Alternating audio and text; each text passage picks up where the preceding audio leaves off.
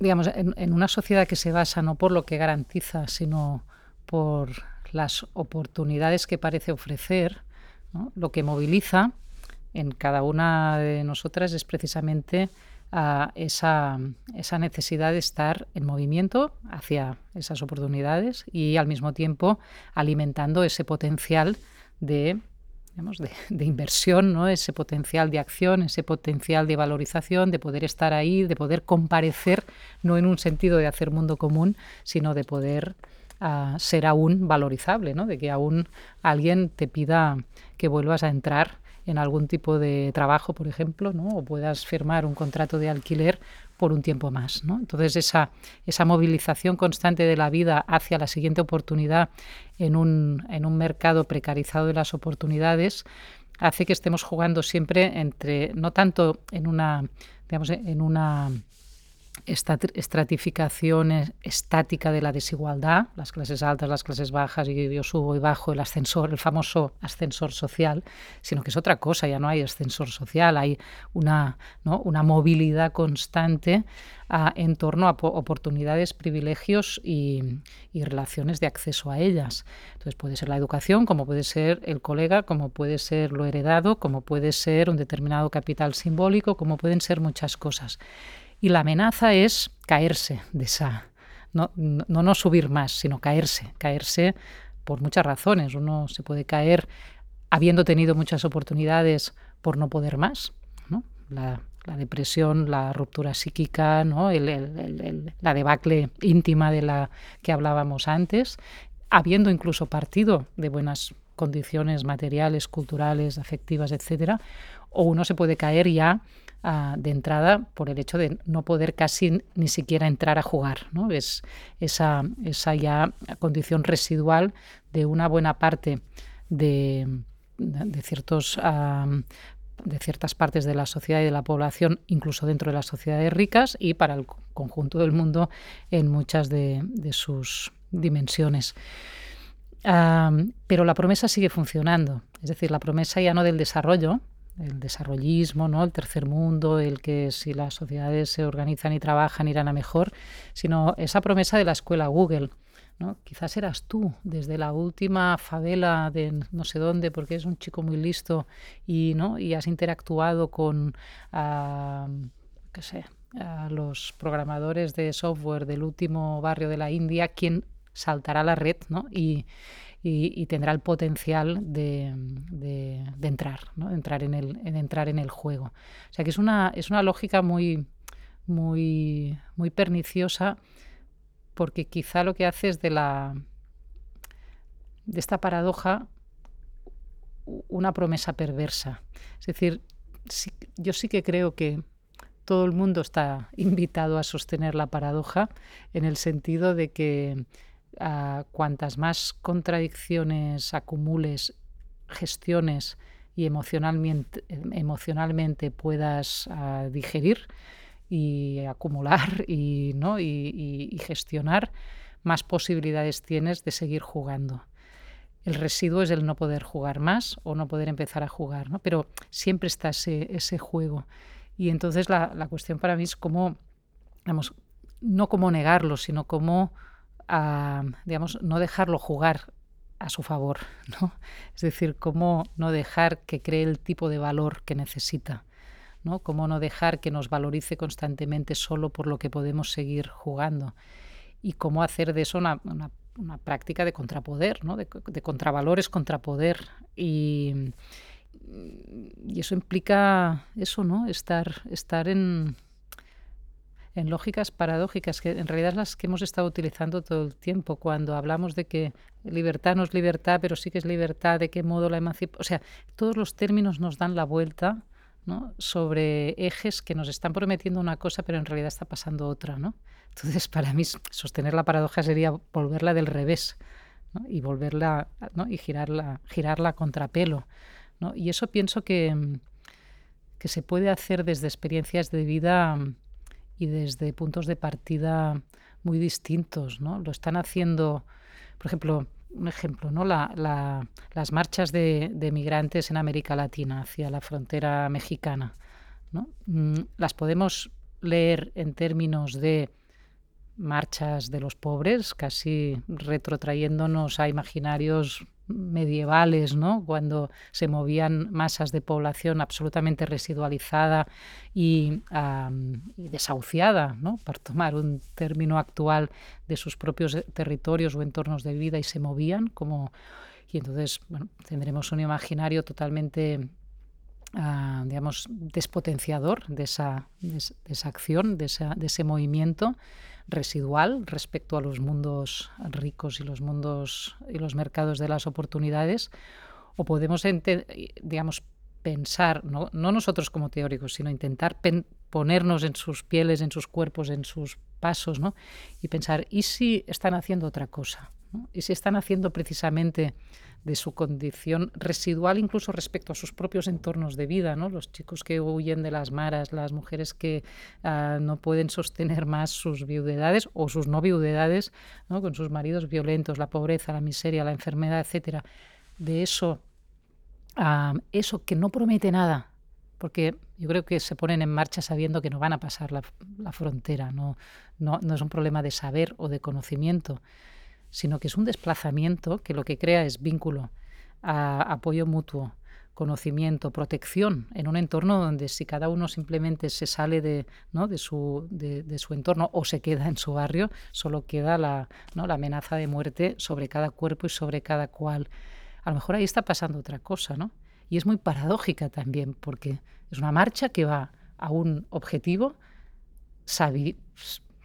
a sabiendas de que no se va a cumplir o, digamos, o son ya el desahucio absoluto de la humanidad o son otra cosa, ¿no? Y yo pienso que hay que, hay que intentar pensarse, pensarse y pensarnos, nosotros podemos pensarnos como marcha también de migrantes respecto a otras cosas, ¿no? ¿Qué estamos haciendo cuando no esperamos nada de eso que hacemos, pero lo estamos haciendo porque están pasando otras cosas?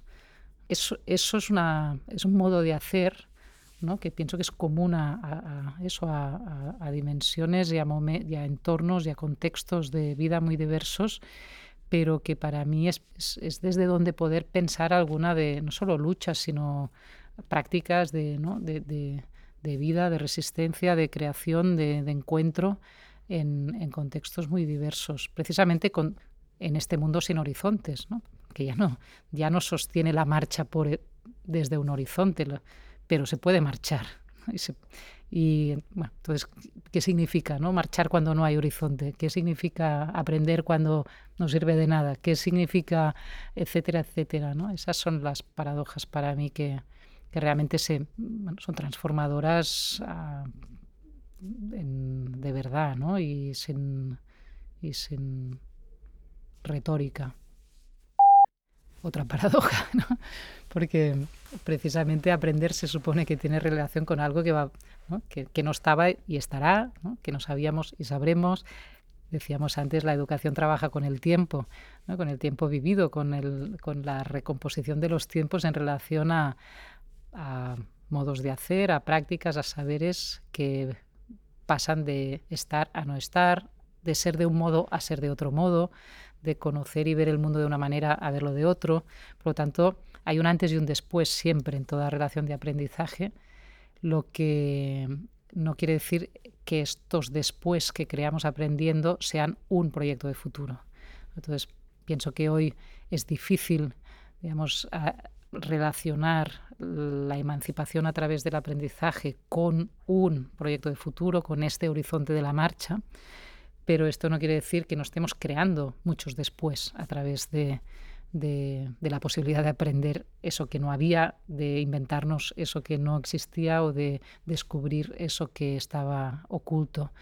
Y eso es crear tiempo.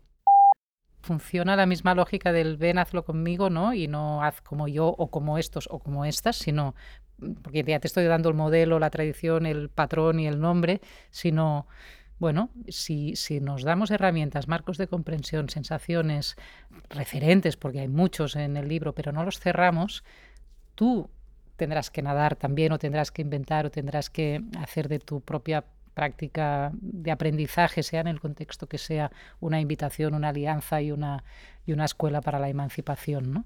Y no te estoy diciendo cómo desde fuera, sino vamos a hacerlo. Y para mí la invitación siempre tiene que dejar ese margen a, no saber por mi parte dónde está el otro o la otra que hace eso, ¿no?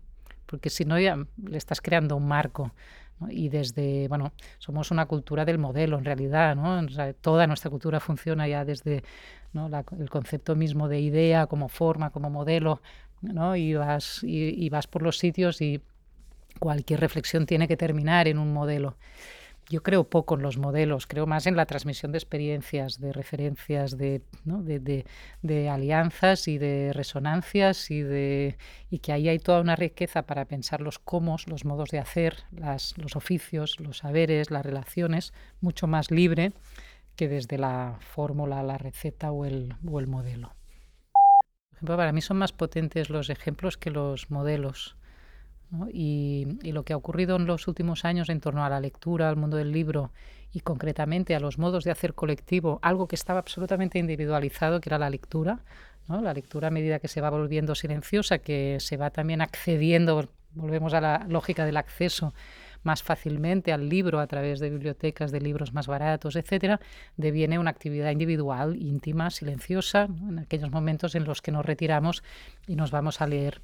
Ahora el tiempo de la retirada, el tiempo de la intimidad y los espacios vinculados a ellos están colonizados por todo tipo de actividades que mm, lo difícil es que podamos leer en nuestras casas, en nuestros tiempos. No tenemos tiempos de ocio que no estén mediatizados por el consumo o el trabajo.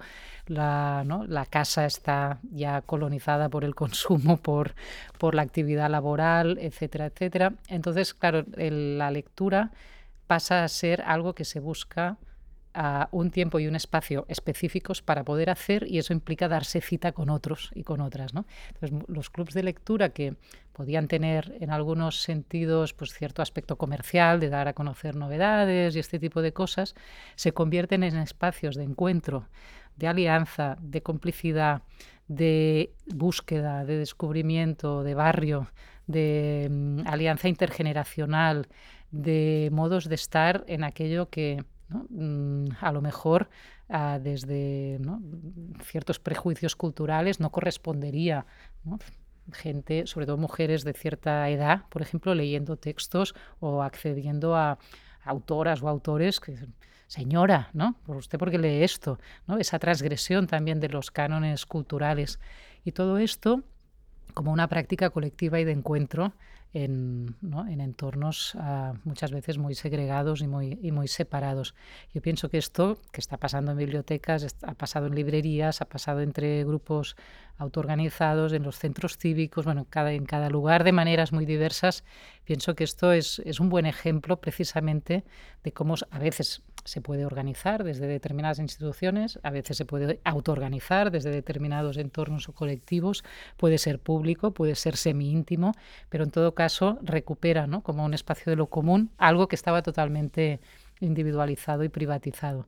Y, y, sobre este ejemplo, que es tan simple, ¿no? ¿no? No, implica inventar una tecnología complicadísima, no implica inventar palabras para cosas que... No, implica simplemente usar de otro modo el espacio del tiempo podemos pensar muchas cosas. ¿no? Es, para mí esa es la potencia de, del, también de lo básico y de lo elemental, que es algo que también invoco mucho en el libro. ¿no? Esta necesidad a veces no solo queremos modelos, sino que sean muy sofisticados. Si no, parece que no, que no, no, que no cambian las cosas, ¿no? que no nos sirven para nada y sobre todo para, para vender cuanto más sofisticados mejor. Casi siempre las respuestas más efectivas en términos realmente de cambio, de transformación y más ah, radicales son las más simples. Pasa que precisamente porque son las más simples están muy lejos de poder ser pensadas, ¿no? No las vemos, ¿no? Están, están en lo invisible de lo que ya tenemos muy cerca. Si tenemos vecinas para leer con ellas, ¿por qué nos tenemos que apuntar a una app de un club, de un no sé qué, que nos da unos textos que nos bajan activados con no sé cuántas cosas, ¿no? Lo más simple y lo más difícil es encontrarse con las vecinas para leer. Pues como esto, yo pienso que, que, hay muchas prácticas que están en nuestro entorno, muchas que podemos promover, producir, organizar o dejar que se, o que se organicen.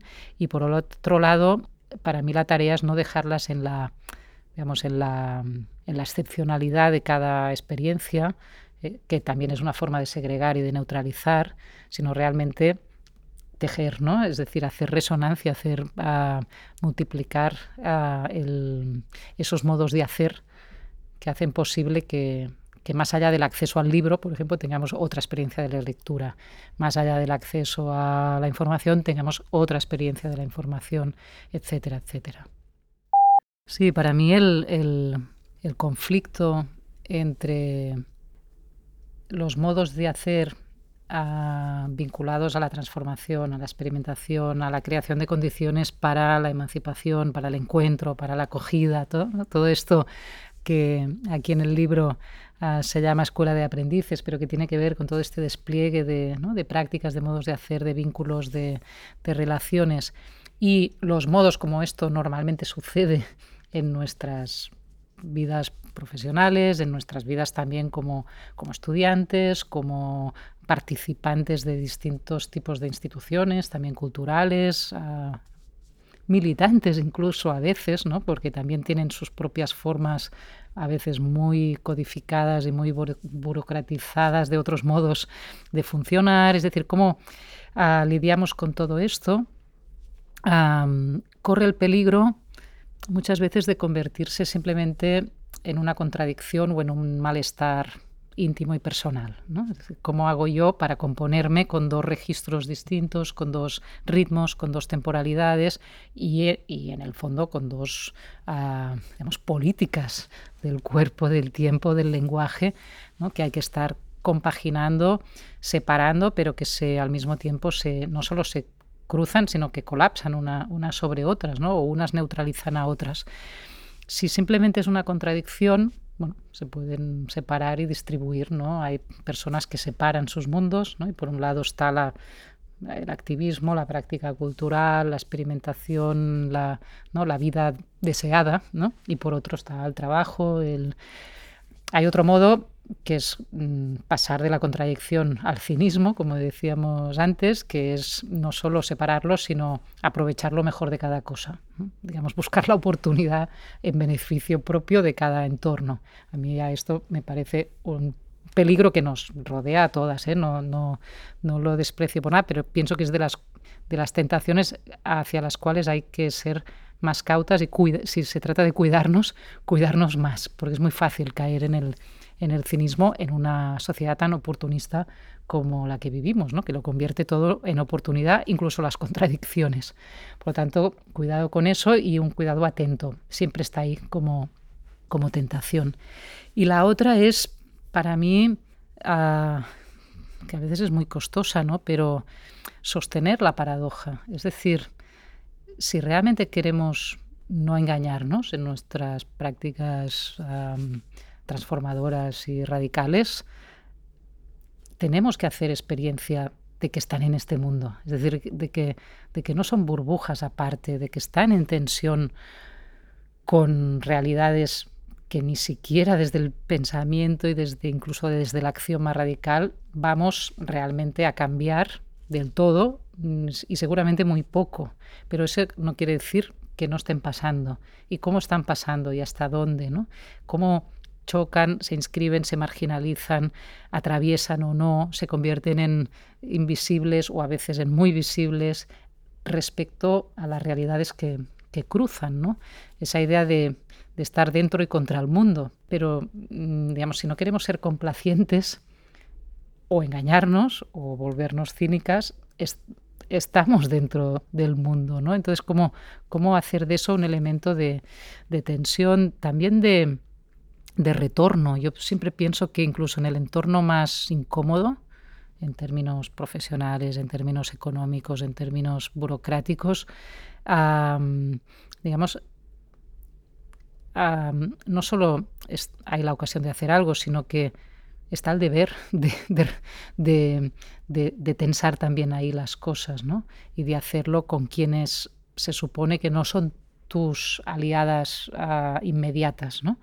Y que, porque si no, tenemos activismo de autoconsumo. ¿no? Y yo mm, creo muy poco en el activismo de autoconsumo o en la cultura de autoconsumo. Entonces, bueno, sostener la paradoja como práctica política. Es decir, lo que, lo que deseamos cambiar es esto que no nos gusta, ¿no? Y, no, y no tenemos que separar lo que nos gusta de lo que no nos gusta. Tenemos que atravesarlo, reconocer los límites muchas veces, las derrotas muchos muchas veces, la soledad muchas veces, porque también implica, pero también la, la, la incertidumbre de pensar, bueno, mm, quién está ahí también, ¿no? Cómo se pueden abrir alianzas ahí, cómo se pueden sostener y hasta dónde. En mi caso he intentado entenderlo así, es decir, no de una forma dualizada. Aquí está la familia, aquí está mi profesión en el, en el mundo educativo y aquí está mi reflexión sobre la educación, sino entender que eso que, que, lo, que lo que habitamos son tramas de, de, convivencia posible. ¿no? En el libro creo que defino así la educación, ¿no? es ahí donde se ensayan los modos de convivencia posible. Y todo, todo, toda encrucijada afectiva, como es aquello a lo que llamamos familia, también es un ensayo constante ¿no? de modos de convivencia posible. Entonces, desde ahí lo que no he querido reducir nunca es la, educación de, de, mi hijo y de mi hija a un modelo. Es decir, vamos a ser la familia que responde a un modelo de pensadores críticos con su escuela alternativa que saben muy bien qué tipo de educación tienen que dar a sus hijos. No lo sé. Es decir, no lo sé. Vivimos en este mundo, en esta sociedad, tienen que atravesar precisamente muchos entornos y muchos contextos, como yo lo hago cada día, porque tampoco vivo en un mundo aparte. ¿no? Soy profesora en una universidad tan neoliberal como todas, ¿no? Y me tengo que ganar la vida y pago mm, mis, rentas básicas para vivir. Es decir, que todo eso hay que poderlo acomodar de una forma, para mí, que ni sea falsamente coherente, el encaje, encajamos en un modelo perfecto de vida, ni cínica. Es decir, nosotros pensamos de una manera pero vivimos de otra, que ese es el peligro del cinismo, sino tanteante, ¿no? tanteante y, de, aprendices constantemente de lo que significa vivir juntos como a elementos que convivimos en un entorno familiar, pero también entendiendo que ese entorno familiar está en, en continuación y en complicación continua con todos sus entornos.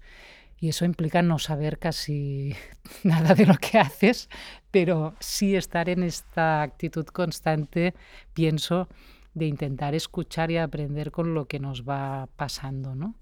Y esa ha sido un poco, es la actitud a través de los distintos momentos que van cambiando, porque claro, tampoco son estables. Lo, cuando tienes alumnos, normalmente tienen siempre la misma edad o más o menos, eh, depende de dónde te mueves. Los hijos no. Entonces eso es otra cosa muy interesante, te vas moviendo en la vida con ellos. ¿no? Ahora los míos son adolescentes, entra al mundo de otro modo con ellos ¿no? y con otras, otros impactos. Y si yo partiera de que ya, que ya sé o ya tengo que saber lo que tendría que hacer, no solo fracasaría, que siempre fracasas, sino que sería estrepitoso, ¿no? Por lo tanto, mucha escucha y mucha acogida y mucha receptividad, incluso en las edades en que menos quieren hablar contigo, que es muy difícil, pero, pero bueno, hay que estar ahí. El permitir de Deligny, que va vinculado también al, al trazar de Deligny, permitir no es esta cultura tramposamente permisiva, ¿no? De que ser libres de hacer lo que uno quiere, sino todo lo contrario, ¿no? Permitir es dar las condiciones para dejar ser, ¿no? Y dejar ser no es ser cualquier cosa, es precisamente poder crecer en unos vínculos. Y si no hay esos vínculos, esa telaraña, esas, esas articulaciones que trazan mundos y caminos posibles, no hay libre voluntad ni, ¿no? ni, ni, ni, permisividad posible. Esta es una de las grandes ficciones y trampas de, nuestra cultura.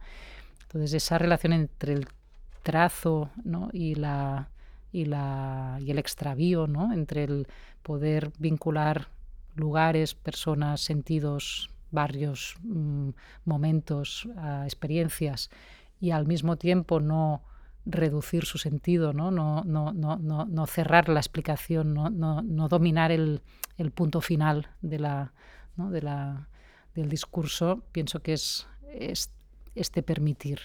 Y, pero solo es posible si se lo permite uno mismo, ¿no? si no quieres dominar el punto final, si no quieres uh, cartografiar el todo, ¿no? sino que te mueves con, con, ¿no? si piensas con, si estás ahí.